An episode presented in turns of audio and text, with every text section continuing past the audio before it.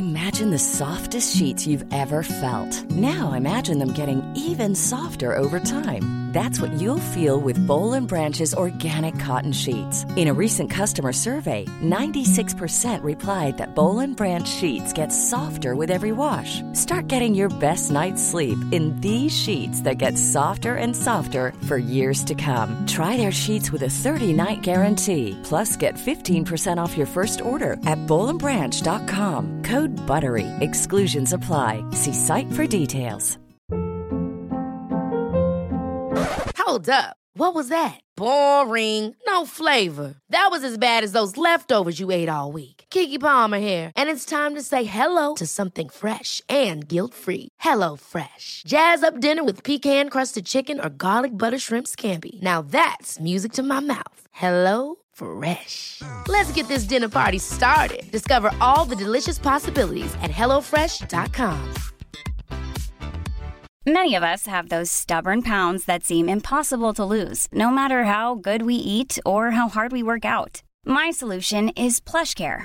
PlushCare is a leading telehealth provider with doctors who are there for you day and night to partner with you in your weight loss journey. They can prescribe FDA-approved weight loss medications like Wagovi and Zepbound for those who qualify. Plus, they accept most insurance plans. To get started, visit plushcare.com slash weight loss. That's plushcare.com slash weight loss. I can discuss some of the psychological aspects of the case. You've got to get a hold of yourself. Now look here, Johnson, I'm going to get to the bottom of this. I can discuss some of the psychological aspects of the case. And you're really crazy, you know that? Oh, yes, I remember that. Is this any concern of yours? Stop, stop, stop it Ja, hei, det er psykolog Sondre Livrød her. Diagnosen er dessverre svært alvorlig. Det viser seg at alt du tenker og føler er feil. Du må for all del ikke stole på hjernen din, den lyver. Alt du opplever er filtrert via nevroser fra ubevisste avkroker. Hvis du følger nøye med, er det en liten mulighet for at jeg kan hjelpe deg. I can discuss some of the I can discuss some of the I can discuss some of the psychological aspects of the case. Oh, I'm just losing my mind, that's all. Du må ikke tro på hjernen din. Den lyver. Vi er jo mennesker fulle av nevroser. Det som gjør oss til sjarmerende idioter. I tidligere episoder har jeg etterlyst et litt bredere fokus på menneskets helse. Jeg har blant annet foreslått at psykiske utfordringer ikke nødvendigvis bør diagnostiseres, men snarere betraktes som perioder med litt svak mental kondisjon. Mange psykiske plager, stress, angst og depresjon er ikke sykdommer, men signaler vi må lytte til for å kalibrere vårt eget mentale maskineri. Det er signaler som forteller oss at vi ikke vedlikeholder og utvikler våre mentale muskler på en tilfredsstillende måte. Symptomer av psykisk karakter forteller oss at vi ikke har god nok mental kondisjon til å håndtere livets utfordringer. Men hva skal vi egentlig gjøre med det? Hvis jeg sliter med kondisjon, vet jeg at jeg må trene og vedlikeholde trening over lang tid for å gjenvinne pusten og unngå påfølgende livsstilssykdommer. På samme måte tror jeg vi kan trene opp vår mentale kondisjon for å tolerere stress, følelser, konflikter, kriser og andre opplevelser av mer eksistensiell karakter. Det er imidlertid lett å vite hva man skal gjøre for å forbedre oksygenopptaket og løpe langt uten å stryke med av åndenød. Det er dessverre ikke fullt så enkelt å vite hvordan man skal bygge opp sin mentale kondisjon, men det er tema for dagens episode. Kanskje du allerede har et nyttårsforsett. Hvis du er interessert i hvordan du kan lage en god plan for mentalt vedlikehold, så har jeg i dagens episode en oppskrift.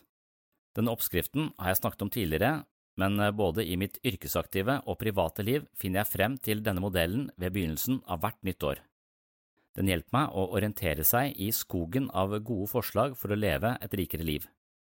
I tillegg hjelper den meg å lage et slags livsstilsprogram som passer for meg. Dagens episode mener jeg kan fungere som et slags kart over menneskets helhetlige helse. Det er en oversikt som skriver seg fra Platon, og viser oss at mennesket er et resultat av både kropp, sinn og samhandling med andre. Hvis vi skal tilstrebe balanse i eget liv, må vi sørger for å ha et øye for alle fasettene som inngår i det typiske menneskelige. Hvis du har et enspora nyttårsforsett, er det ikke sikkert at det vil tjene deg på en god måte. Fordel tiden du har til rådighet på ulike aktiviteter. I andre segment av dagens episode skal du få et gjenhør med et eh, foredrag jeg har holdt flere ganger før, og her har jeg altså et forslag til en helhetlig ivaretagelse av både kropp, syke og relasjon.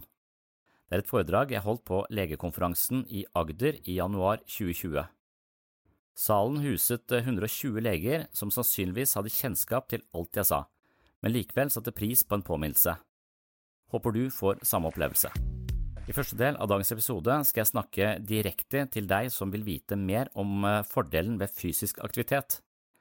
Fysisk aktivitet er viktig for mental helse, og hvordan det fysiske og det psykiske henger sammen, blir i dag opptakten til et enda mer holistisk perspektiv på helse. Min erfaring er at pasienter med psykiske plager som supplerer samtaleterapi med regelmessig fysisk aktivitet og trening, har bedre progresjon, gjenvinner god livskvalitet raskere og har mindre tilbakefall. Som psykolog og psykoterapeut har jeg flere ganger hatt pasienter i behandling over lengre tid. Mange har slitt med depresjon, angst og usikkerhet, og mange har kommet til samtaler hver uke i flere måneder og noen ganger år. Dessverre er det ikke alle som har hatt så god effekt av samtaleterapi, og jeg har ofte grubla på hvorfor behandlingen ikke har fungert. I samtaler og terapigrupper har vi gjerne undersøkt hvordan pasientens selvbilde er skada av vonde erfaringer fra fortiden. Noen har blitt oversett, kritisert eller avvist gjennom barndommen og utviklet en fastlåst idé om at de er mindre verdt enn andre. De stiller seg bakerst i køen, forsøker å leve opp til andres forventninger, tilfredsstiller andre uten hensyn til egne behov, og gradvis føles livet tungt, meningsløst og usikkert. Vi har snakket om dette i time etter time, men depresjonen har likevel holdt stand. Tungsinnet har kanskje avtatt i perioder, men stadig vekk møter man pasienter som eh, ikke blir eh, ordentlig friske, og da friske i hermetegn, i og med at eh, frisk høres ut som det motsatte av syk, og jeg tenker jo ikke på depresjon eller psykiske plager som en sykdom. Så da fikk jeg poengtert det en gang til. Noen ganger er det åpenbart at den aktuelle terapien ikke er god nok, men i mange av disse tilfellene kan det også hende at samtaleterapi i seg selv ikke er tilstrekkelig behandling. Vi har bare jobbet med tanker og følelser, og på sett og vis eh, glemt kroppen. Medisiner, fysioterapi, avspenningsteknikker, ernæringsfysiologi og tai chi er bare noen få eksempler på ulike behandlingsstrategier som ikke baserer seg på samtale og innsikt, men fokuserer på kroppen. Følelser vi ikke klarer å håndtere psykologisk, kommer ofte til uttrykk på andre måter, og gjerne som kroppslige plager som følge av psykiske spenninger. Noen ganger når vi ikke frem til disse følelsene i samtaleterapi, og noen ganger må vi intervenere fra begge ender for å få effekt. Med det mener jeg at eh, veldig ofte bør man jobbe på flere områder på en gang for å få til positive forandringer i eget liv, og spesielt når det dreier seg om psykiske plager. Noen deprimerte pasienter med angst, tvang og andre symptomer kan sannsynligvis gå i samtaler i årevis uten den helt store effekten. Og da tror jeg man må se på mulighetene for å sette inn supplerende behandlingstiltak. Det viser seg at trening er like god medisin som antidepressive medisiner, og det bør man ta konsekvensen av. I min hverdag har treningsgruppene blitt en helt avgjørende del av behandlingen for veldig mange pasienter. Det er selvfølgelig ikke alle som skal delta på trening, noen sliter rett og slett med for mye trening og et overdrevent og nærmest besettende forhold til kropp, trening og mat, men disse tilhører en ganske liten gruppe. Veldig mange av klientene som jeg jobber med i samtaleterapi og gruppeterapi, har veldig godt utbytte av å supplere terapien med trening og fysisk aktivitet. Dermed har vi sett det som helt nødvendig at vi oppretter treningsgrupper for å legge til rette for et mer helhetlig behandlingsfokus, og vi ser at resultatene er svært gode. Min erfaring er at mange av de som supplerer samtaleterapi i gruppa med aktivitet i treningsgruppene, har en bedre progresjon, gjenvinner god livskvalitet raskere og generelt sett får bedre utbytte av hele behandlingstilbudet. Kombinasjonen av samtaleterapi og trening viser seg å være en svært potent medisin for mange psykiske plager. Vi har tidligere skrevet eh, flere artikler om fysisk aktivitet og mental helse på webpsykologen.no men her kommer nå en kort oppsummering av de viktigste punktene som eh, argumenterer for hvorfor fysisk aktivitet bør være en del av et eh, helsefokus eh, for la oss si nesten alle mennesker, og spesielt mennesker som sliter med stress eller en form for uh, psykisk uh, problematikk. Punkt 1. Fysisk aktivitet styrker immunforsvaret, skjelettet og øker lungekapasiteten. Punkt 2. Det motvirker høyt blodtrykk, hjerteinfarkt og diabetes, og mer generelt kan man si at det minsker risikoen for livsstilssykdommer. Punkt 3. Fysisk aktivitet har også en direkte effekt på psykisk helse fordi det reduserer kortisolnivået i hjernen, noe som videre reduserer stress, som igjen motvirker angst og indre uro. Punkt 4. På sett og vis blir man også kjemisk stimulert til et bedre humør gjennom trening. Det er fordi trening frigjør endorfiner, som er kroppens eget smertestillende preparat. Endorfiner sørger for velbehag som påvirker holdningen og humøret i positive retninger. Punkt 5. Serotonin er en annen kjemisk nøkkel som åpner for et uh, hevet stemningsleie. Trening øker serotoninnivået i kroppen og dermed øker graden av velvære, overskudd og energi. Serotonin er også virkestoffet i mange antidepressive medisiner, og det viser seg at trening dermed har de samme kjemiske fordelene som eh, de såkalte lykkepillene. Punkt 6. Fysisk aktivitet forbindes også med bedre søvn. Vi er avhengig av søvn for å gjenvinne overskudd og balanse, og søvn gir oss den hvilen vi trenger for å fungere i hverdagen. Trening har også vist seg å føre til mindre bruk av beroligende medisiner og sovetabletter. Punkt 7. Trening kan også ha en slags meditativ effekt. For mange er trening en måte å være til stede og nærværende her og nå. Mye av det som skaper psykiske og fysiske spenninger i mennesket, er tanker som eh, trekker vår oppmerksomhet vekk fra øyeblikket. Vi fanges av tanker om fremtiden, som ofte er behefta med bekymring, eller vi tenker på fortiden med anger eller bitterhet. Tanker som fjerner oss fra øyeblikket, fjerner oss også fra selve livet. Vi lever i framtiden eller i fortiden og går simpelthen glipp av livet her og nå. Dette er roten til mye uro og ubehag, mens trening ofte har den ekstra effekten at det trekker vår oppmerksomhet tilbake til kroppen og situasjonen her og nå, noe som også er kjernen i mindfulness-meditasjon. Punkt 8. Kropp og syke er uløselig knyttet til hverandre. Når vi trener kroppen, opparbeider vi oss en større grad av kroppslig kontroll og selvtillit. Denne fysiske formen for selvtillit har ofte en tilsvarende psykisk gevinst. Trening kan gi en gjennomgripende følelse av mestring, noe som i seg selv er en motgift mot lav selvfølelse, depresjon og angst. Punkt 9. Psykisk sunnhet handler ofte om evnen til å finne et adekvat uttrykk for kraftige følelser. Sinne og frustrasjon er eksempler på følelser vi gjerne vil unngå og disse følelsene betraktes ofte som sosialt uakseptable. Dersom vi fortrinnsvis undertrykker eller unngår våre kraftige følelser, vil vi etter hvert oppleve symptomer og indre spenninger. Dersom man unngår sitt eget sinne i ulike situasjoner, risikerer man å gå rundt og være småirritert hele tiden. Sublimering er et begrep fra den psykodynamiske litteraturen og refererer til en såkalt eh, psykisk forsvarsmekanisme hvor individet finner et uttrykk for sine kraftige følelser uten at det ødelegger for dem selv eller deres forhold til andre. Kunstnere og forfattere bruker sine følelser i det de skaper, og sånn sett finner kraftige følelser et uttrykk som eh, materialiseres i kunst. Det er en svært effektiv og konstruktiv måte å forvalte eller bruke følelser på. Trening kan forstås litt på samme måte. Mange opplever å få utløp for frustrasjon, irritasjon, uro og rastløshet gjennom trening. Punkt 10. Noen opplever trening som en befriende aktivitet i hverdagen, mens andre opplever det som et ork. De som liker trening, slår to fluer i en smekk. De får alle de fysiske og psykiske fordelene samtidig som de gjør noe de trives med. De som syns trening er slitsomt og kjedelig, kan også slå to fluer i en smekk. De får en eh, viktig helsegevinst, og de beviser for seg selv at de makter å gjøre noe som er en viktig investering i eget liv, men som byr dem imot. For at fritid og perioder med ferie og avslapning skal oppleves som godt og riktig, må det ofte stå i forhold til noe som er mer anstrengende.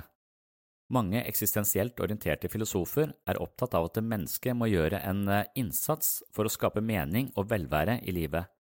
Et meningsfullt liv er ikke noe som faller ned i hodet på oss eller eh, tilskrives de heldige. Et godt liv er noe vi må gjøre en innsats for å oppnå. For de som syns fysisk aktivitet er anstrengende, men likevel forplikter seg til regelmessig trening, vinner altså to viktige fordeler. Det ene er en bedre helse, og det andre er evnen til å etablere motivasjon og innsats i noe som ikke umiddelbart virker lystbetont. Det siste punktet er helt sentralt og noe alle mennesker trenger å oppøve. Man kan kalle det egenledelse eller drivkraft eller selvdisiplin, og det er en avgjørende ingrediens i et såkalt lykkelig liv, og da lykkelig liv i hermetegn.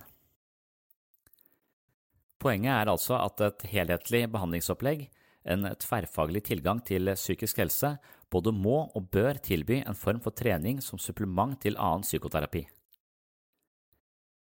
Det var det jeg innledningsvis eh, ville si om eh, fysisk trening. Eh, jeg har jo forplikta meg til dette i jobbsammenheng og trener to til tre ganger i uka her sammen med de menneskene som er her for å jobbe med seg selv. Man kan jo si at jeg er her for å jobbe med, seg, med meg selv, jeg også. Og jeg setter stor pris på at jeg har klart å inkludere trening i livet mitt uten at det er noe jeg må hele tiden basere meg på selvdisiplin og indre motivasjon, eller eh, hva det skulle være, som ofte svinger litt eh, for mitt vedkommende. Så når dette er en eh, slags fast ingrediens i min hverdag som ikke kan velges vekk, så har det gjort veldig mye for min stabilitet og følelse av velvære på tvers av ulike sesonger, for eksempel. Før jeg begynte å trene, så syns jeg at mørketida var litt tyngre enn den den er nå for tida. Men da er også et viktig poeng å få denne treninga til å bli eh, noe man ikke er nødt til å velge hver gang, men noe som bare er en eh, inkorporert del av eh, hverdagslivet. Og når jeg har fått det til som en del av min arbeidshverdag, så er jeg vanvittig fornøyd med det. Det er en utfordring å få til gode vaner, og vaner er noe som man bare gjør uten å tenke seg om. For hver gang jeg må ta et bevisst valg om å gå ned og trene, så får jeg veldig masse stemmer i hodet som sier at det er eh, mange andre ting som eh, kunne vært mer attraktivt akkurat da. Det kommer jeg tilbake til i en eh, senere episode ganske snart, det å sette seg mål og stå ved de målene man har satt seg. Det, selvdisiplin er et, et viktig psykologisk tema. Men nå skal vi gå til et foredrag jeg holdt for eh, noen leger, ganske mange leger, 120 leger, på legekonferansen i Agder 2020. Det var i januar, og der snakket jeg om eh, den store misforståelsen av psykisk helse. Det er altså det poenget eh, som jeg hele tiden maler på, og som handler om at psykisk lidelse er ingen sykdom men eh, signaler som forteller oss eh, noe sentralt om måten vi lever livet vårt på. Så istedenfor å se, på, se på symptomer som noe vi skal fjerne, så bør vi kanskje se på symptomer som noe, en type smerte vi skal lære noe av. Og jeg tenker også at psykisk helse ikke er noe som bare skal behandles på kontoret til psykologen i samtaleterapi eller eh, hos psykiateren i form av medisiner, men en tematikk vi må angripe på veldig mye eh, flere måter, eller på mange flere måter og fra flere innfallsvinkler enn det vi tradisjonelt sett gjør i psykisk helsevern. Og dette her dreier seg ikke da bare om folk som sliter med psykiske lidelser, men dette her dreier seg om alle mennesker som har en kropp og en hjerne. Hvis du ønsker å ha god balanse i livet ditt, god livskvalitet, så bør du vite om dette kartet som eh, representerer de ulike fasettene ved det å være menneske. Og hvis du opplever en type ubalanse i livet ditt, mer stress osv., så, videre, så går det an å referere til dette kartet og på en måte diagnostisere seg selv og finne litt ut av i, hvilken, eh, i hvilket aspekt ved mitt liv er det nå skoen trykker mest, og hvilke tiltak bør jeg gjøre for å gjenvinne balanse.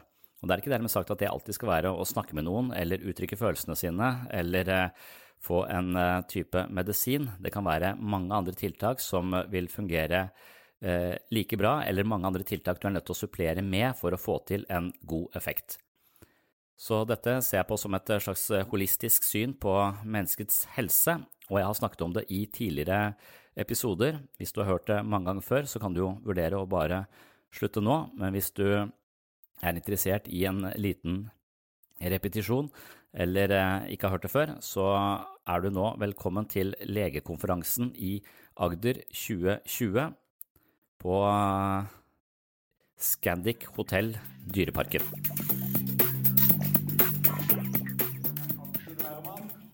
Han har, eh, driver på som nettaktiv, og det han sjøl sier han har mest glede av og treffer mest med, det er den eh, podkasten som heter Sinnssyn.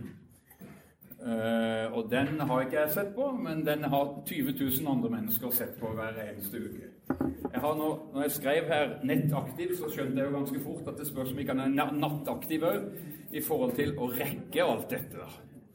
Men eh, en eh, spennende fagperson på Solvang, dyktig person. Vær så god, nå har du, får du en time.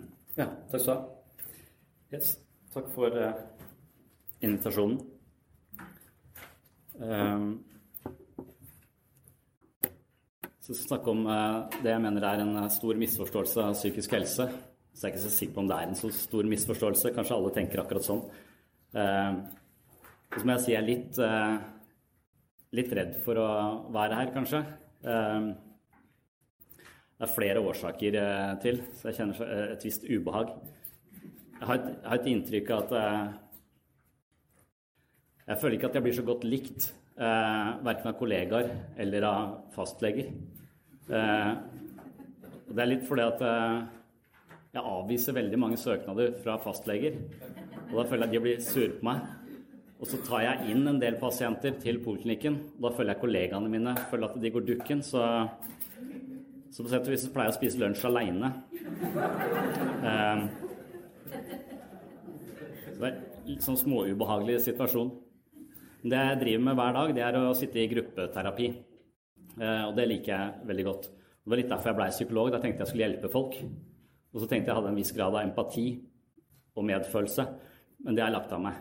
Eh, for det, det tar på å sitte i inntaksmøte hver fredag og prøve å hindre mennesker som trenger hjelp, fra å få den hjelpen de trenger. Eh, det Da trenger man å trekke fram den indre psykopaten for å holde stand. Og jeg vet ikke om jeg kommer til å snakke så mye om eh, akkurat eh, hva jeg driver med i gruppeterapi, selv om jeg syns det er kjempeinteressant og, og, viktig. Jeg kommer til å snakke litt om hva annet jeg gjør enn akkurat eh, selve gruppeterapien. Men jeg orienterer meg ut ifra en sånn slags kart da, som jeg mener er kjempeviktig, og som jeg har tatt fra Platon. Jeg pleier alltid å, basere meg, meg, på det. Og så kanskje jeg bare egentlig baker denne forståelsen her sånn inn i små anekdoter fra, fra poliklinikken. Um, hvor jeg da sitter i dette inntaksteamet hver, hver fredag. Um, og i det inntaksteamet så kommer det jo veldig ofte uh, søknader fra dere, uh, eller fra mange av dere som sitter her.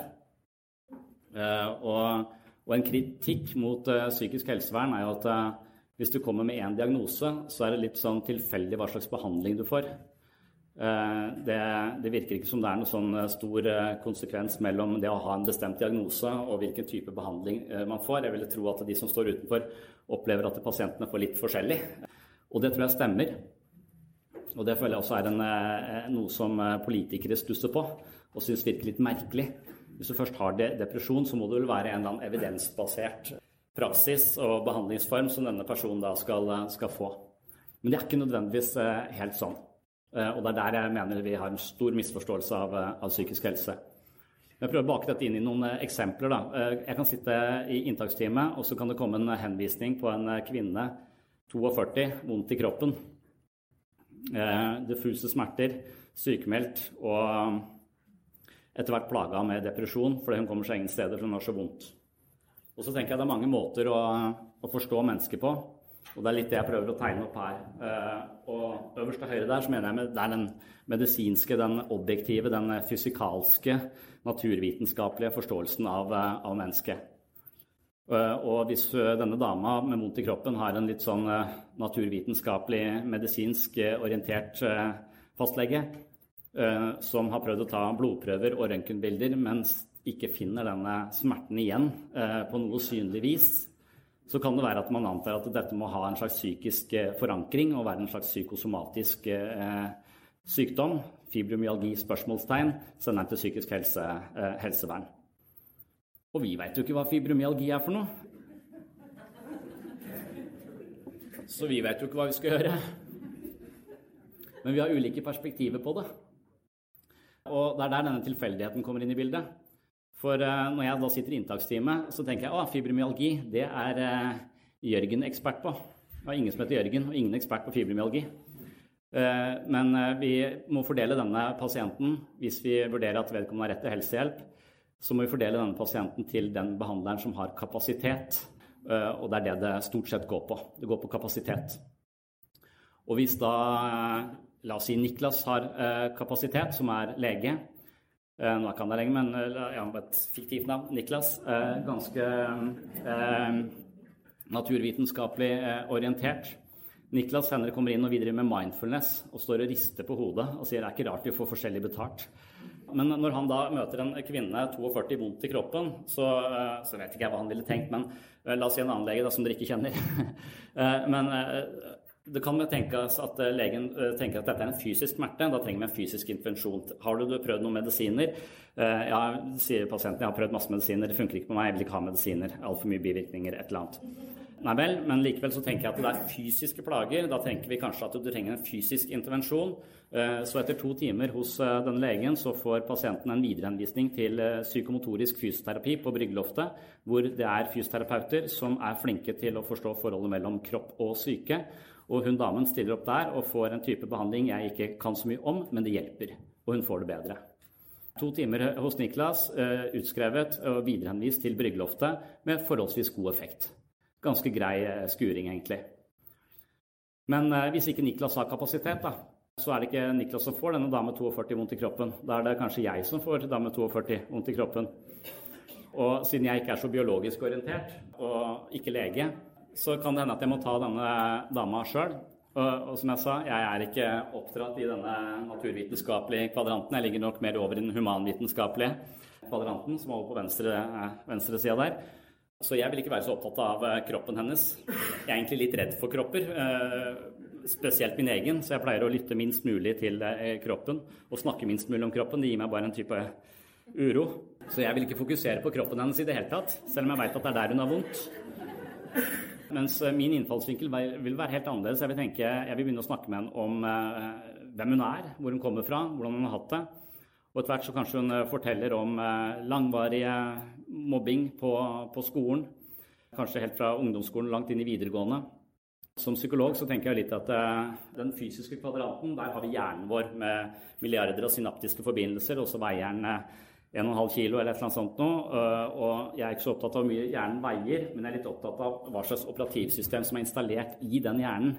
For du kan jo ha en, en Jeg tror hjernen vår er litt lik, øh, men operativsystemet vårt og måten vi ser ting på, perspektivene våre, er ganske forskjellige fra person til person. Min antakelse er at hvis du har vært utsatt for mobbing eh, systematisk over ganske lang tid, så har du fått et operativsystem som koder for, eller ser etter farer og er eh, rimelig mistenksom på nye mennesker de møter.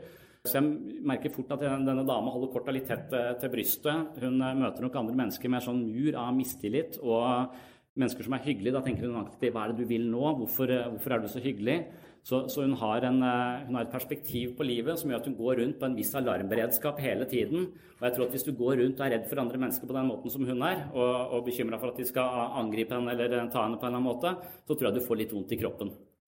Min strategi da er at du kan bare legge deg på benken her, så blir det ca. 100 timer i psykoterapi, for vi må reinstallere operativsystemet i huet ditt. Og to timer hos Niklas, 100 timer hos meg. Eh, i dyptgripende psykodynamisk psykoterapi med henblikk på å endre denne mistilliten som gjør at hun går rundt med for mye frykt i seg. Og det er ganske forskjellig. 100 timer hos meg eller, eller to timer hos, hos, Niklas og psykomotorisk fysioterapi etterpå det. Men det er samme dama, samme, samme diagnosen. Bare to vidt forskjellige behandlere med to vidt forskjellige perspektiver på hvordan vi forstår dette problemet. Eh, men etter å ha fått nytt operativsystem, så fungerer det bedre hos meg også. Så hun får en slags symptomlette der òg. Men så kan vi forestille oss at ikke jeg heller har, eh, har kapasitet. Da. Eh, sånn at jeg må, må, gi denne saken til Elin. Og hun er sosionom. Og sosionomer de er jo litt gode på de kvadrantene her nede, spesielt den der nede til, til høyre, som er ja, kan kanskje si Øverst til høyre så forestiller jeg meg at det er liksom naturvitenskapen. Den venstre siden det er humanvitenskapen, og det øverste venstre er det subjektive. Men det å bli menneske, det blir vi jo liksom i møte med andre. Så det andre mennesker speiler meg og ser meg og forstår meg, så blir jeg, formes jeg i møte med dette andre. Så det intersubjektive. Og jeg jobber nok mye i det intersubjektive. Jeg jobber med møte mellom mennesker i gruppeterapi. Jobber stort sett bare i, i, i grupper. Og nederst til høyre der, så det til venstre er subjektivt, det til høyre er objektivt. Det er, øverste er entall, og det nederste er flertall så får vi også det interobjektive. det er bildet av Karl Marx. Så jeg tenker at alle disse fasettene styrer og påvirker hva det vil si å være et menneske, og hvordan helsa vår er. Og nederst til høyre der, det interobjektive, det vil si det objektive i flertall. Og det forestiller jeg meg er da typisk samfunnsvitenskapen, alle de institusjonene, dette regjeringen, helsevesenet, alle de institusjonene, Nav ikke minst, som påvirker oss og også gjør noe med, med, med livet vårt. Uh, og i mitt tilfelle så har jeg et slags inntrykk at vi har et godt samarbeid med Nav, i den forstand at det, det Nav gjør med mine pasienter, er å installere dødsangst. Fordi at de hele tiden truer med å ta vekk arbeidsavklaringspengene. Og hver gang det skjer, så går jo disse menneskene selvfølgelig helt i svart. Altså, jeg tenker Før i tida så var det viktigste for oss var å ha en eh, delaktighet i et eller annet kollektivt fellesskap. Den verste straffen du kunne få, var bannlysing eh, eller utestengelse, eksil fra dette fellesskapet, for det betydde nesten død. I dag, i vårt eh, individualistiske samfunn, så er det ikke så vi er ikke så avhengig av eh, storgruppa lenger, selv om vi er det, men vi er avhengig av inntekt. Så det er inntekten som på en måte besørger vår eh, væren i verden.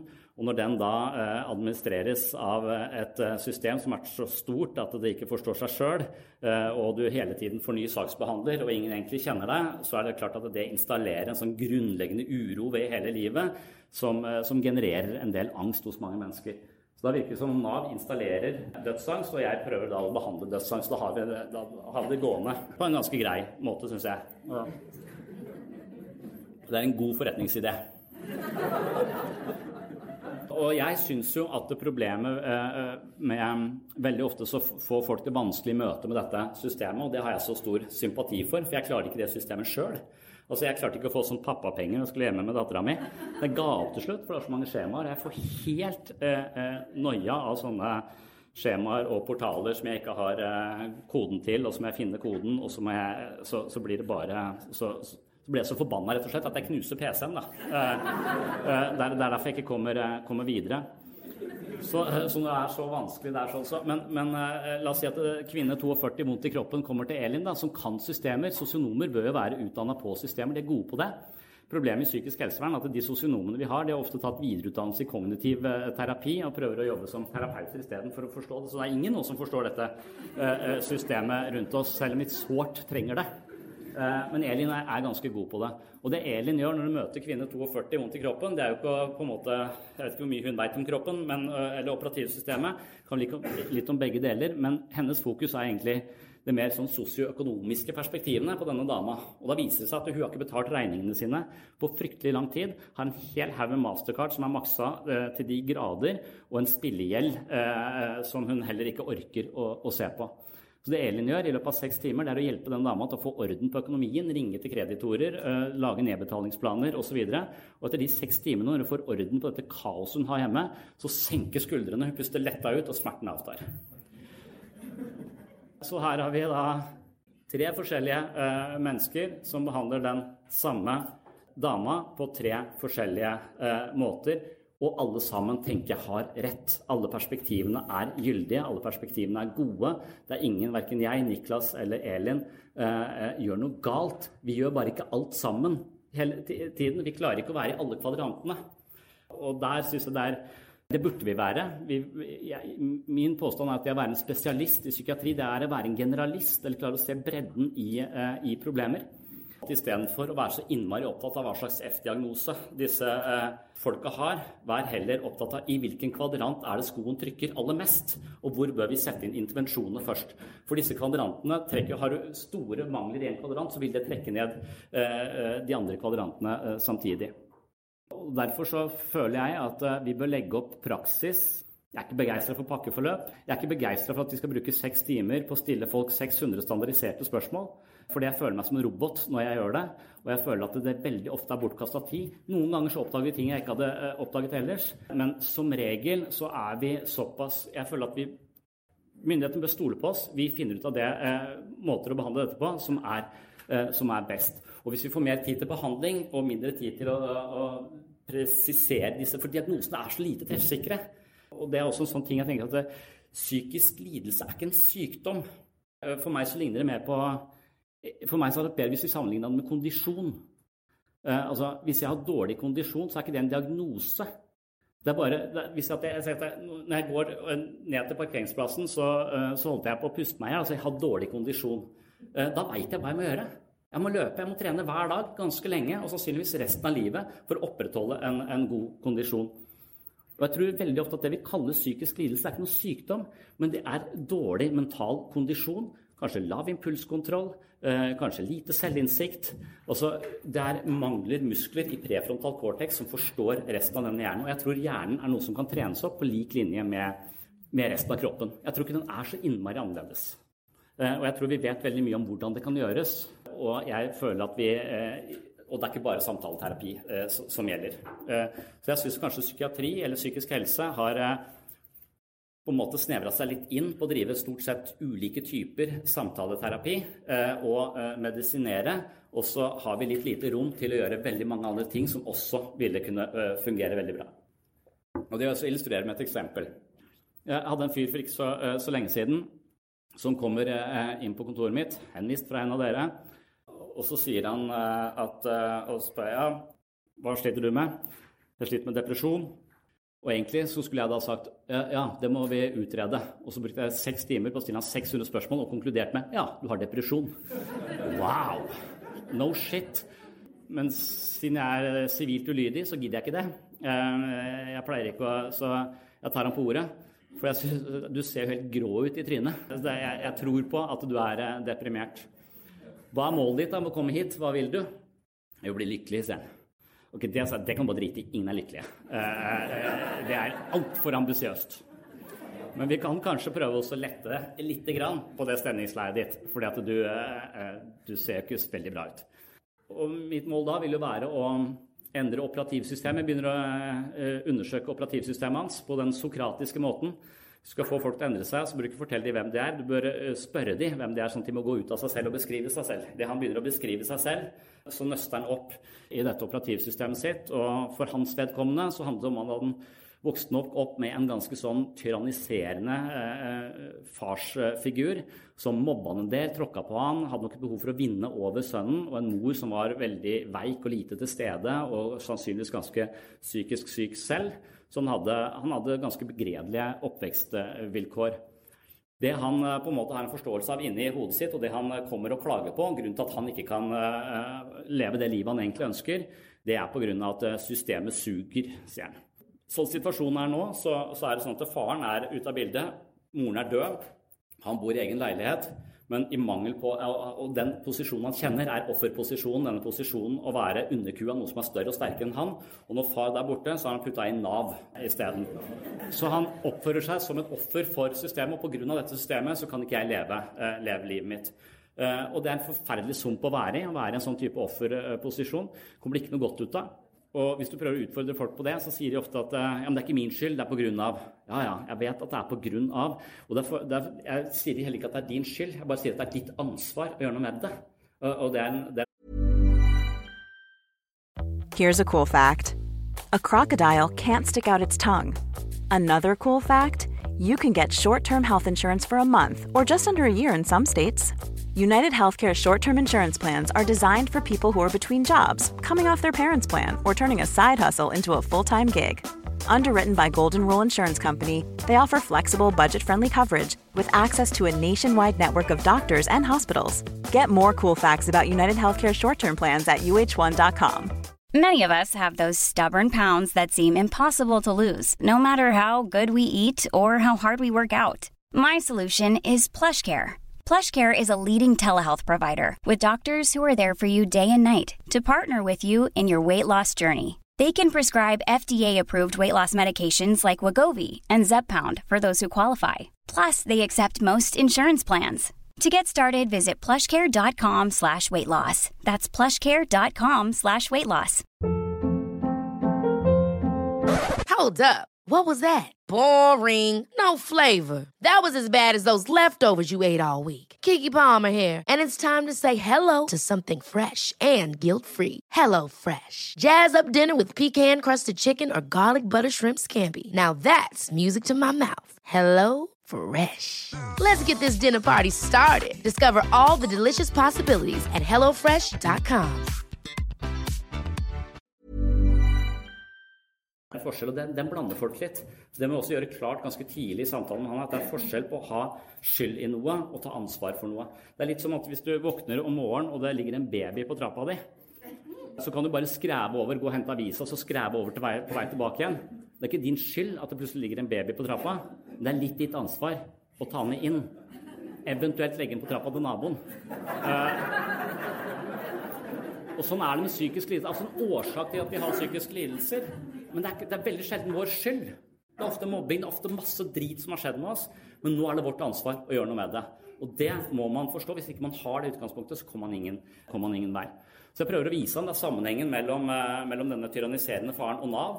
Eh, men han forsterker dette Nav-monsteret fordi han, han, eh, han pleier å være oppe på natta, og så sover han på dagen. Og så spiller han eh, mye dataspill, og så røyker han hasj. Og den blandinga der sånn, det kulminerer i et slags hat mot Arbeiderpartiet av en eller annen grunn. Eh, så han har Arbeiderpartiet der oppe også, som de der jævlene som gjør at han ikke kan eh, leve sitt, eh, sitt liv. Forholdsvis antisosial type. Ikke, ikke spesielt hyggelig. Men etter hvert så kan han se sammenhengene. Han kan se at han nok har en tendens til å gjøre seg til et offer for andre for å han vet ikke helt hvordan han skal ta Han er livredd for å ta ansvar for sitt eget liv. Han tror vel ikke han klarer det. Har vel aldri fått en, noe bekreftelse på at han er kompetent til noe som helst. Så tanken eller eh, på i det hele tatt ta noe ansvar for eget liv, det skremmer han vanvittig. Eh, selv om det blir bedre for han, så vil den overgangen fra å være et offer til å være en mer aktiv aktør i eget liv, den vil være ekstremt skremmende for han, så det er ikke noe lett. Og det må vi ha forståelse for. Det har jeg forståelse for, selv om det høres ut som jeg ikke har noe empati. Eh, så har jeg, så har jeg det. Men eh, det viser seg at han går til meg i 15 timer, og vi prøver å endre dette operativsystemet, men det skjer ikke noe. Han, han er fortsatt deprimert. Det vet vi, for jeg tar sånn Madrescore og lar han svare på spørsmål og tror at tallet er totalt objektivt og en god vurdering av hans mentale tilstand. Noe sånn tøysespill og sånne ting som vi tror på i dette helsevesenet her. Men når jeg da holdt på med han i 15 timer inne på dette i samtaleterapi, så tenker ikke jeg å shit, jeg må ha annen type samtaleterapi. Det er derfor vi ikke kommer noen vei. Nå har jeg drevet med kognitiv terapi og dynamisk terapi. Jeg må legge om stilen. Det tror jeg bare er piss. Det, det, gjør ingen forskjell. Det er samtaleterapi, og hvor du fokuserer, det tror jeg ikke. Du skal aktivere denne delen her av hjernen og få han til å forstå det som foregår på innsiden. Om du kaller det affektbevissthet eller kognitiv terapi eller psykodynamisk terapi, det tror jeg spiller fint liten rolle. Men det jeg tror eh, spiller en stor rolle, eh, det er å kikke litt i de andre kvadrantene. For hvis jeg spør han eh, med tanke på de andre kvadrantene. Men den fysiske kvadranten hva spiser du egentlig? Og da sier han at eh, ja, pga. at eh, jorda snart går til helvete pga. klimakrisen osv., som jeg er helt enig med han i, så sparer jeg penger. Og det å spare penger og gå på Nav, det er ikke så lett, så jeg spiser kun First Price frossenpizza. Og det har jeg gjort i sju år. Ok. Og da lurer jeg på Er det mulig å bli lykkelig i psykoterapi hvis du bare spiser frossenpizza? Er det fysisk mulig? Eller kan du gå en milliard timer i psykoterapi og fortsatt være like deprimert hvis du bare spiser frossenpizza? Det kan faen meg hende. Og der sitter vi, da, i en million timer, og han bare spiser frossenpizza. Og da sier jeg jeg kan ikke hjelpe deg med mindre du spiser én gulrot om dagen. Det, eh, det, er, det er, et minste, minstemål. Og så sier han jeg liker ikke gulrøtter. Da kan jeg ikke hjelpe deg, sier jeg. Da kommer du til å dø av depresjon. Det er en langsom eh, måte å dø på. Du dør av meningsløshet. Det er helt jævlig. Det går ikke så fort. Det tar lang tid. Det kommer til å ta mange år. Men, eh, men det er en jævlig måte å dø på. Og så sier han nei, men det er så dyrt med gulrøtter. Det er faen ikke dyrt med gulrøtter. En kilo gulrøtter First Price 9,90 på Kiwi. Det har du råd til. Så jeg kunne stille noen krav. Jeg kan ikke sitte og drive samtaleterapi hvis han spiser bare uh, uh, frossenpizza. Og så spør jeg litt også om uh, hvor mye beveger du deg egentlig? Jeg går jo fra bussen opp hit, da, sier han. Ja, det er jo en gang hver 14. da.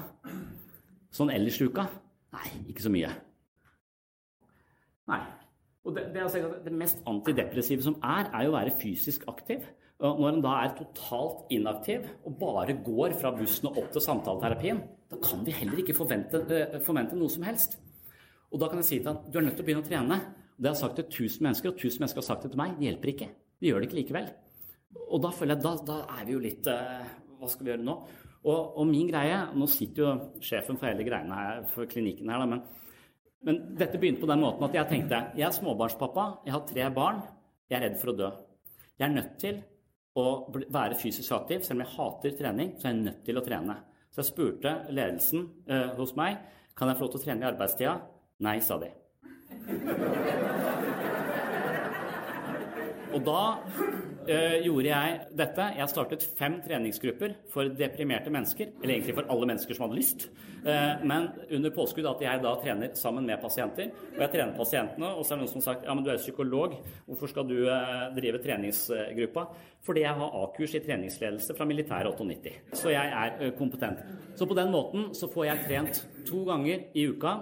Ivar, som er fysioterapeut, tar de andre treningene. og vi tilbyr det til alle pasientene ved Solvang eh, som har en eller annen forankring i en behandler. Eh, og jeg gjør det eh, fordi jeg tror at pasientene trenger å trene, og fordi jeg trenger å trene selv. Og det er kort vei, så jeg kan si til han, jeg kan kreve det av han. Hvis ikke du er med meg mandag og torsdag på trening, så må vi avslutte nå, for vi kommer ikke videre med den inaktiviteten din. Du er nødt til å være med og trene.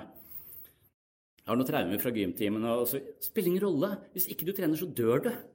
Du er nødt til å gjøre det. Hvis ikke du begynner nå, så, eh, så, så, så må vi bare avslutte.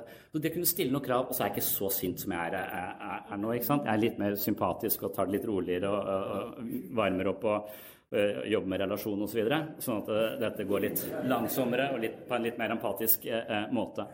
Men da er det mye lettere, for jeg sitter på den intensjonen. Jeg kan ha de med meg. Jeg treffer disse menneskene da istedenfor å treffe han en gang hver 14. dag, så treffer jeg han nå tre ganger i uka. For den er med i, alle, i treningsgruppene sammen med meg. Og så er det en annen ting, den nederst til venstre der, altså det der intersubjektive, deg og den andre. Når du er oppe på natta, når de andre, flest andre sover, hvor mange folk treffer du egentlig? Jeg veldig, veldig, snakker masse med disse på nett. Ja, ja, om å bombe eh, Arbeiderpartiet. Men jeg tenker, treffer du noen vanlige mennesker? Nei, egentlig ikke. Jeg treffer jo deg, da.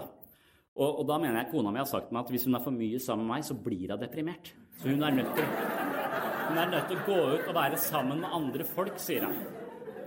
Eh, så jeg tror hvis du bare treffer meg i løpet av en uke, så tror jeg det er depresjonsfremkallende, faktisk.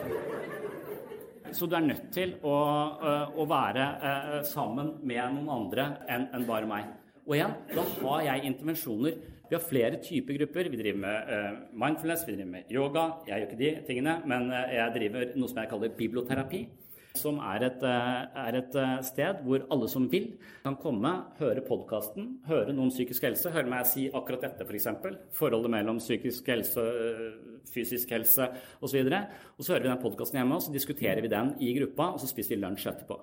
Og da er det halvannen time hvor det uh, sitter typ opptil 20 pasienter uh, og snakker om, om, ting som stikker litt dypere. Og jeg sier du er nødt til å være med der, du er nødt til å treffe noen andre folk. Og dette er en oppegående, fin gruppe. Og for, uh, fordelen med uh, det å være gruppeterapeut er så opptatt av mentalisering, opptatt av at en gruppe har et ganske høyt refleksjonsnivå, at det er et romslig sted å være, uh, at det er et åpent sted å være. Og da mener jeg vi må gå, må være litt sånn gå litt foran selv, på en måte være forholdsvis åpen i disse gruppene for å lage rom til å kunne snakke sammen på en trygg måte om, om viktige ting.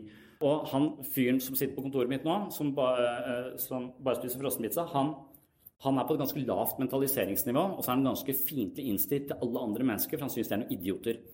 Men det å da ta han inn i denne gruppa Hvis du har bare sånne, så blir det helt galt der inne. Men jeg vet at den gruppa er ganske romslig. Så sitter han sånn tre-fire ganger, og så sitter han bare sånn og stirrer fremfor seg. Og så Den fjerde gangen så hører han en snakke om hvordan hun har opplevd å bli svikta av foreldrene, og hvor sint og, og, og bitter hun har vært i så mange år, og hva hun nå har gjort. Og så sier han akkurat sånn er jeg det også. Og idet han sier akkurat sånn er det også, så har han kobla seg på et annet menneske. Og det er som om vi kan tine antisosial atferd i romslige, gode grupper og gode eh, eh, miljøer. Eh, og det er den gruppeterapeutiske delen av tilbudet.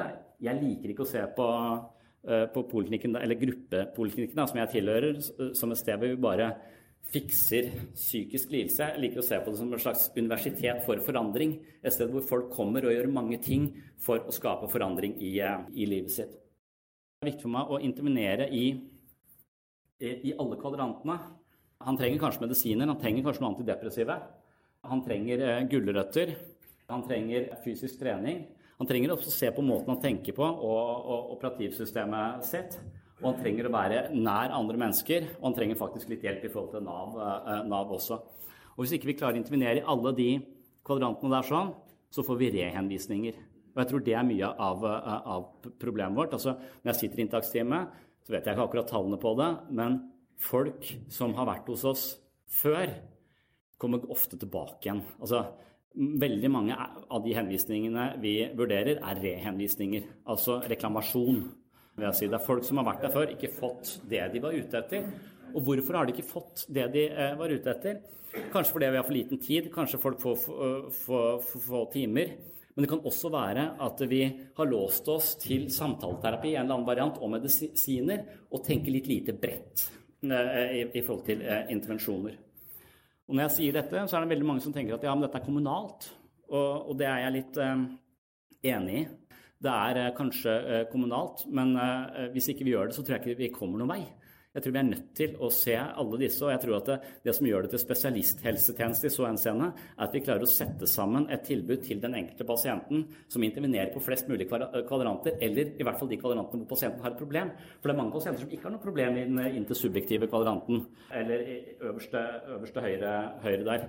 Så det å ha et bredt spekter av intervensjoner tilgjengelig, det tror jeg er det beste eh, vi kan gjøre.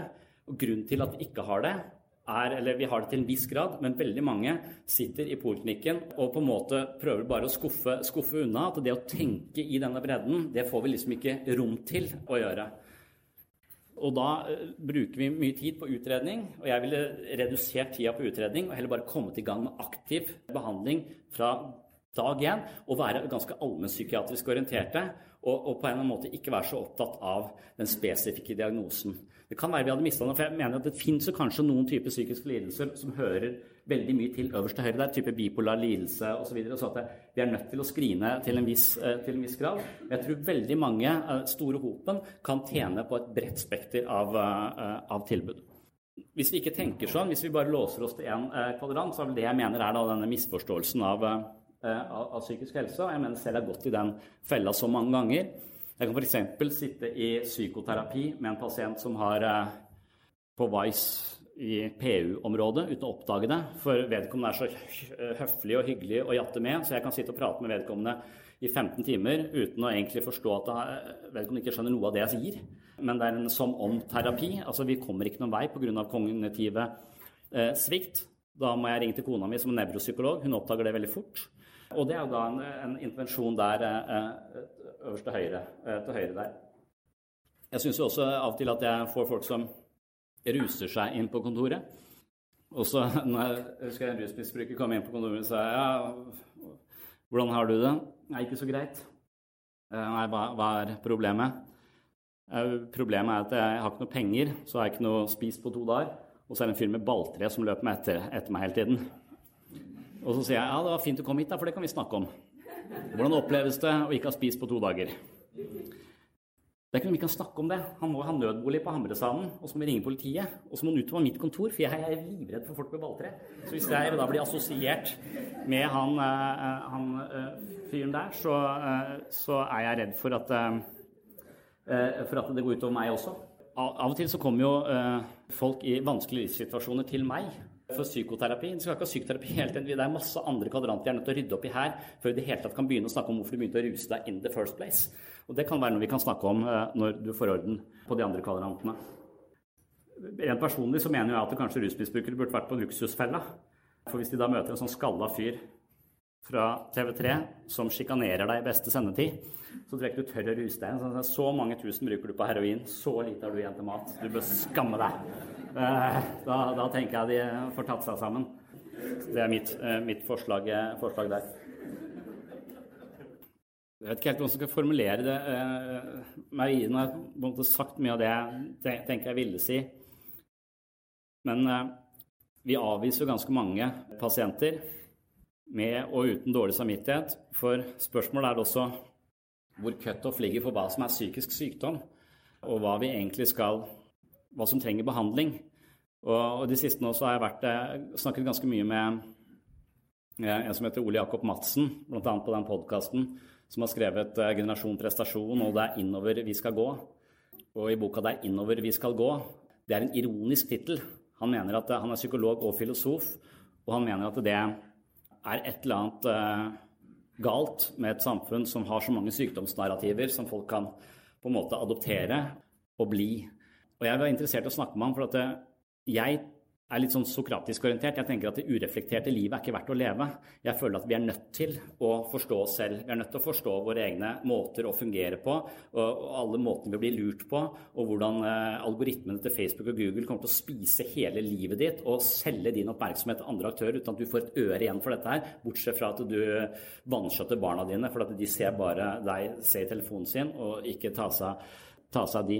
Så jeg mener at vi er nødt til å undersøke og ta tilbake vår egen oppmerksomhet og eie vårt eget eh, indre liv. Så jeg mener jo at det er innover vi skal gå. Så der har vi en slags Og jeg driver mye med selvhjelp og den typen ting, så jeg tenker jo at, det, at vi er på en måte uenige. Så jeg vil snakke med han. Så vi har brukt en del timer på å snakke sammen om, om dette. Men jeg forstår også perspektivet hans, og jeg er veldig enig i, han, i, i det han skriver dette, i, i, boka innover, 'Det er innover vi skal gå'. Så poengterer han at at når vi hele tiden har så fokus på psykisk helse, livsmestring, som dattera mi har på, på, skolen nå Hun har akkurat begynt med det. Altså, jeg, ikke, jeg, har ikke helt visst hva livsmestring eh, er, men det, for meg så virker det litt som om det er der læreren forteller om hvordan hun hadde når hun eh, vokste opp. Eh, men, men jeg vet ikke hva det er faget. Men Ole Jakob er i hvert fall kritisk til livsmestring. Og han sier, han sier at hvis du f.eks. studerer planeten Pluto en rent uh, naturvitenskapelig paradigme, så kan du studere planeten Pluto så mye du vil, men den forandrer seg ikke. Den begynner ikke gå en annen bane bare fordi du studerer den. Det kan være du oppdager at den er litt mindre, om vi kaller den en dvergplanet eller noe sånt noe. Men Pluto forandrer seg ikke når du studerer Pluto. Men hver gang du studerer mennesker, eller snakker til mennesker, eller forstår mennesker, eller diagnostiserer mennesker, så forandrer du det mennesket. Og det syns han er et, er et viktig poeng. Har snakket om en artikkel i et eller annet magasin om en, en, forsker som forsket på barns psykiske eh, eh, helse. Og hadde lest boka til eh, Ole Jakob og begynte å lure på om hun var roten til problemet. rett og slett, Og eh, hadde nesten lyst til å si opp jobben. Fordi at jo flere narrativer vi får, jo flere eh, sånne sykdomsforståelser vi har, jo mer diagnosespråk vi får, jo lettere er det på, kanskje på en måte å bli det vi sier. Når vi sier generasjon prestasjon, så kan det være en merkelapp vi setter på noen som de tar til seg og blir.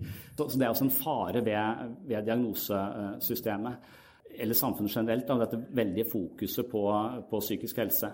Jeg er nok på en måte både enig og uenig der, for jeg mener vi trenger eh, et slags fokus på psykisk helse, men om vi da kunne normalisert det til å sammenlignes med kondis isteden, Altså, jeg har Jeg tenker at alle stressrelaterte sykdommer kan man få det mye bedre med, f.eks. med mindfulness. Selv om det høres litt sånn New Age og, og kvalmt ut, så, så, er det jo øh, mental trening en, en, måte å kultivere sitt indre liv på. Altså aktivere, hvile som en observatør til alt det som foregår på innsiden her. Og begynne å oppdage hvordan du selv skrur sammen dine opplevelser av livet.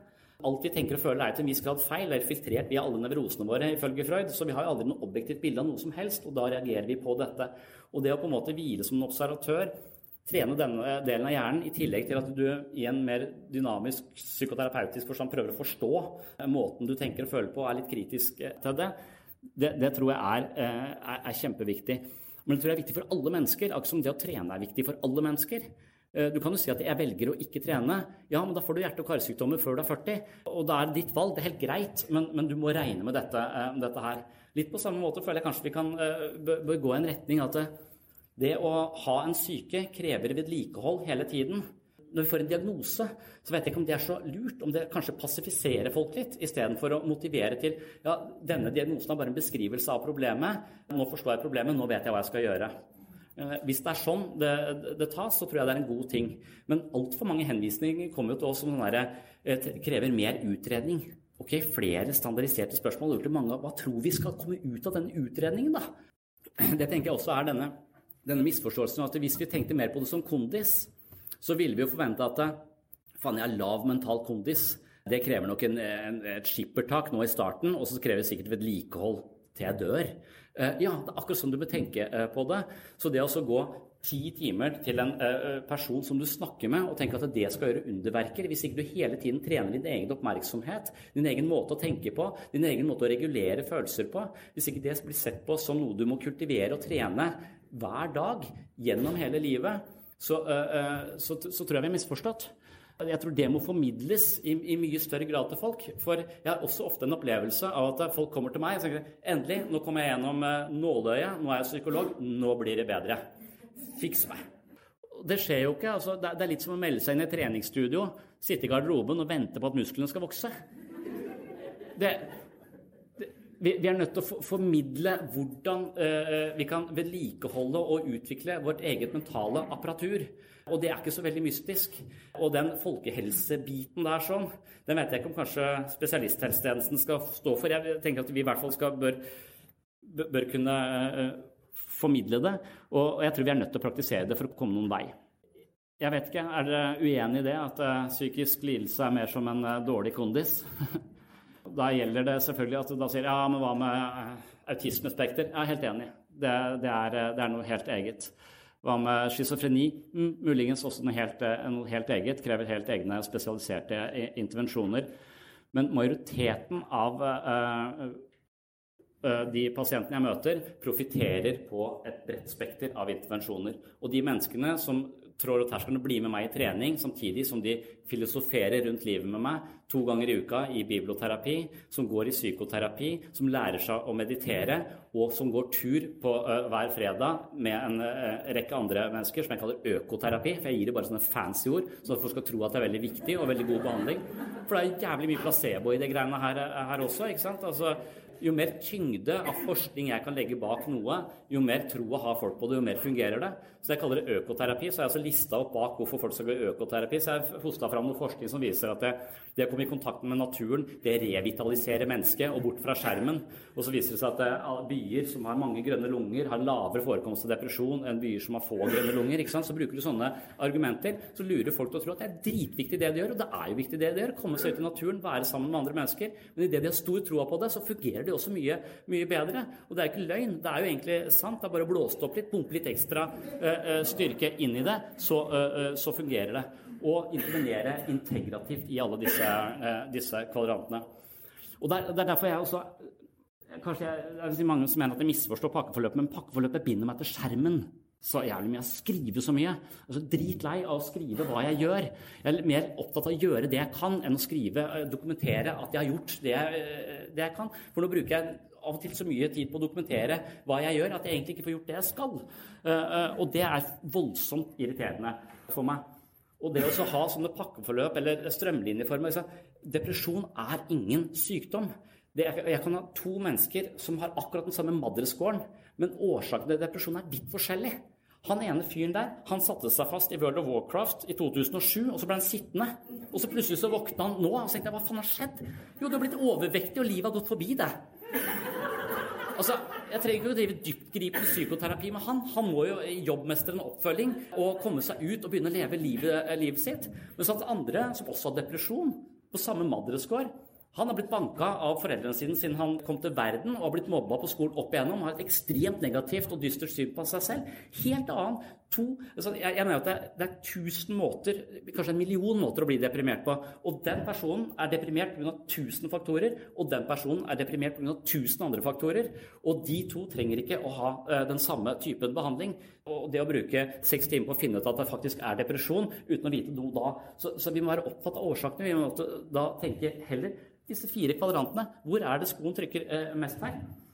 For han, får han, data så må han ut i samfunnet. Han må ned til Karl Marx der, finne et eller annet å eh, engasjere seg i verden. Og så blir du ganske rusten sosialt hvis du sitter foran skjermen hele tiden. Så må trene litt i turgruppa hver fredag. Og så må han bevege seg der oppe.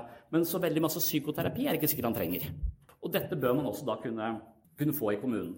Så Veldig ofte så avviser jeg litt på henvisninger til psykisk helsevern fordi jeg tenker at det, dette mennesket trenger jo nettopp det, trenger en bredde, trenger mange forskjellige arenaer eh, å jobbe på samtidig. Og hvis de bare kommer til oss i poliklinikken, så er sannsynligheten for at de får samtaleterapi og medisiner ganske stor. Det at de ikke intervenerer bredt nok, er et eh, problem. Fordi vi bruker for mye tid på utredning og dokumentere det vi driver med. Så min oppfattelse av pakkeforløpet er jo litt at de skal prøve å strømlinjeforme det, istedenfor at jeg kan bruke min kliniske ekspertise på å finne ut av Ofte så kan jeg ta det ganske raskt enn dette, dette, mennesket er. Men likevel så er jeg pålagt ekstremt mange standardiserte eh, spørsmål. Og da føler jeg meg som en robot. Det er den verste følelsen jeg har. Jeg føler at noen har programmert meg til å si akkurat disse tingene. Jeg sier det samme eh, hele tiden. Jeg blir suicidal av det. Jeg får lyst til, får lyst til å kutte meg sjøl i armen eh, når, jeg, når, jeg, må gjøre de tingene. Jeg blir helt desperat og syns det, eh, det, er så kjedelig. Og så føler jeg veldig ofte at det er ekstremt misbruk av tid. da. Vi kan komme mye fortere eh, til, eh, til, til, kjernen. Og det å da eh, måtte være pålagt alle disse tingene, det, det føler jeg også ofte er initiert av mennesker som sitter såpass langt unna klinisk praksis at de ikke helt vet hva de gjør, men de syns det virker som messig. Det er helt forskjellig hva folk får her. Er jo, Vi er nødt til å på en måte få kontroll på dette. Og da tror jeg ikke de helt vet hva de, hva de snakker om. Og Jeg prøvde å argumentere med Bent Høie om dette her, og kom ikke så langt eh, der. Jeg følte han var en robot. Um, og så syns jeg også at det, at sykehuset er så redd for å gjøre feil. Jeg tror også et sånt problem gjør at vi i veldig stor grad er opptatt av å redde vår egen rygg i tilfelle det skal gå et eller annet eh, galt. Og hvis det går noe galt, eh, så, så føler jeg at systemet her oppe da, begynner, da må vi lage nye rutiner, sånn at alle mennesker skal gjøre noe helt annerledes for å korrigere for den ene feilen som blir gjort der. sånn. Og det er en håpløs måte å, å, å løse problemer på. Vi hadde noe som het den danske kvalitetsmodellen på et eller annet tidspunkt. og da, Jeg vet ikke om det var en spøk, om det var i april, da var det oppe på møtet at nå skal vi begynne å be folk om legitimasjon uh, hver gang de kommer uh, i behandling. Altså, hvorfor det? Nei, det, skal vi, vi, skal bare vite at det er Hans Hansen som kommer. og da skal vi bare be om, Det er fort gjort å be om legitimasjon. Det er fort gjort, men helt weird. Eh, altså? Og Da er det sikkert en eller annen gjøk da, som har stjålet medisiner i falskt navn. eller et eller annet sånt nå. Og siden en eller annen har gjort det, så skal alle mennesker da bli bedt om legitimasjon. Og det vi driver med her, er å skape allianse. Og det første jeg hører, er du egentlig Hans Hansen? Han tror jeg har en paranoid personlighetsforstyrrelse. altså. Og det er klart at Hvis noen har stjålet medisin, på et eller annet tidspunkt, så skal vi lage en hel prosedyre hvor alle skal be om dette.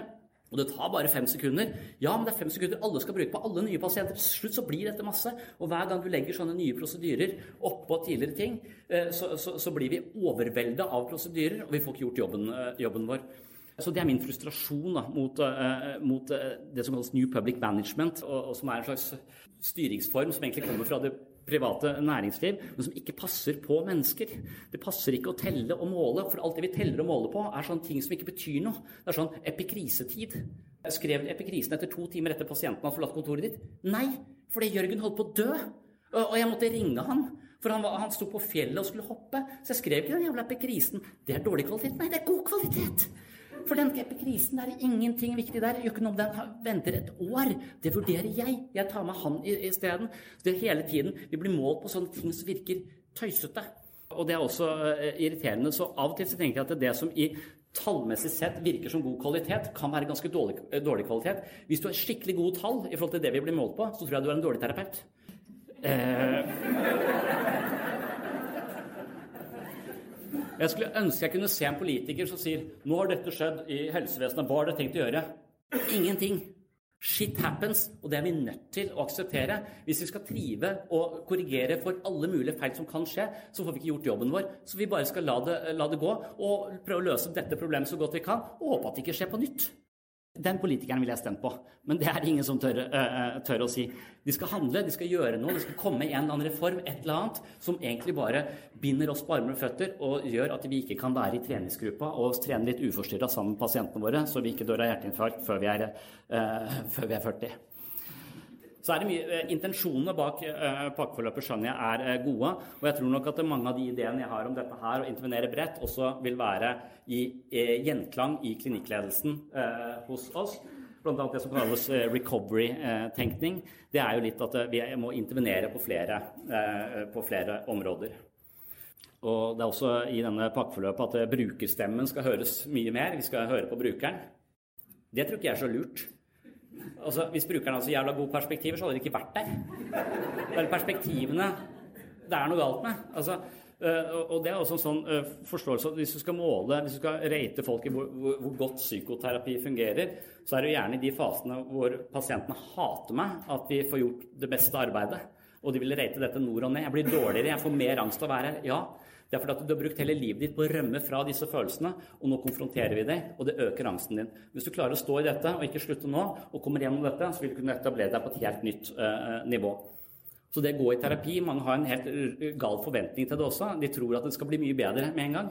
Det skal jo ikke det. Det er akkurat som å gå på helsestudio. det. Du forventer jo ikke at det, Og dette her blir Nå skal jeg bli sterk. Du vet jo at nå skal jeg ha blodsmak i munnen. Hver mandag med hun der jævla spinningdama som sykler altfor fort. Eh, det er jo plagsomt, det er vanskelig, det er vondt. Men det er det som gir meg et meningsfullt liv.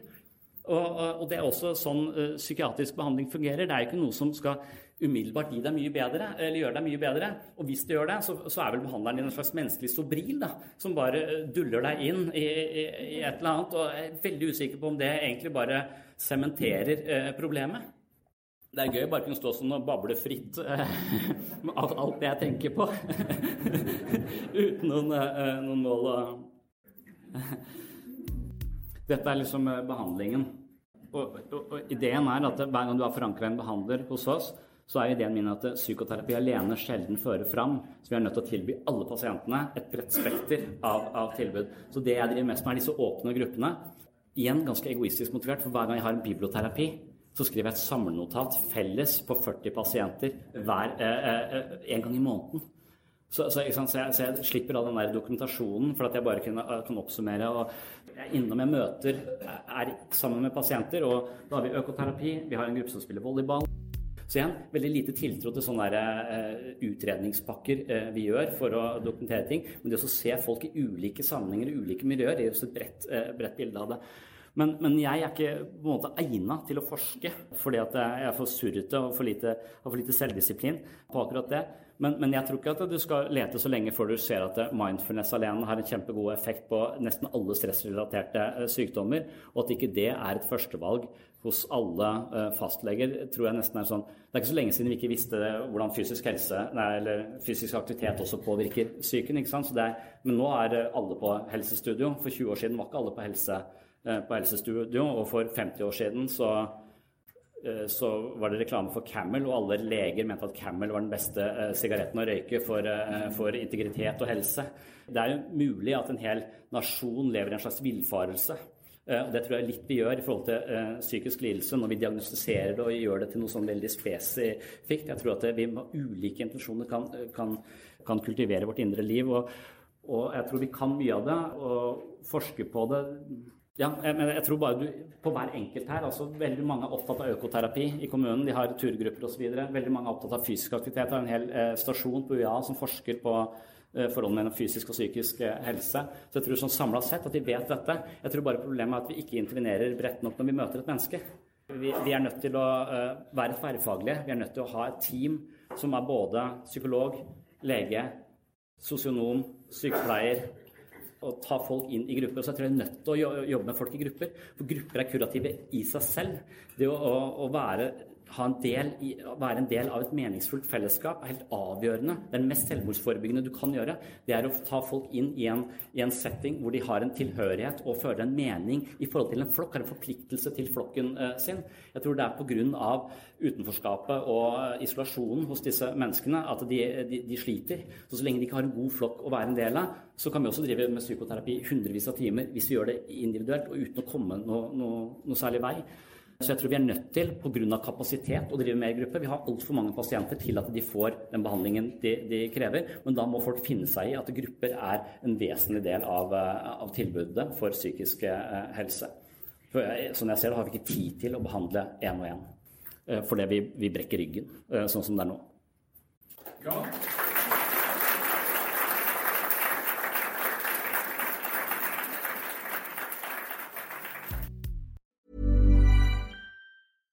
Ever catch yourself eating the same flavorless dinner three days in a row?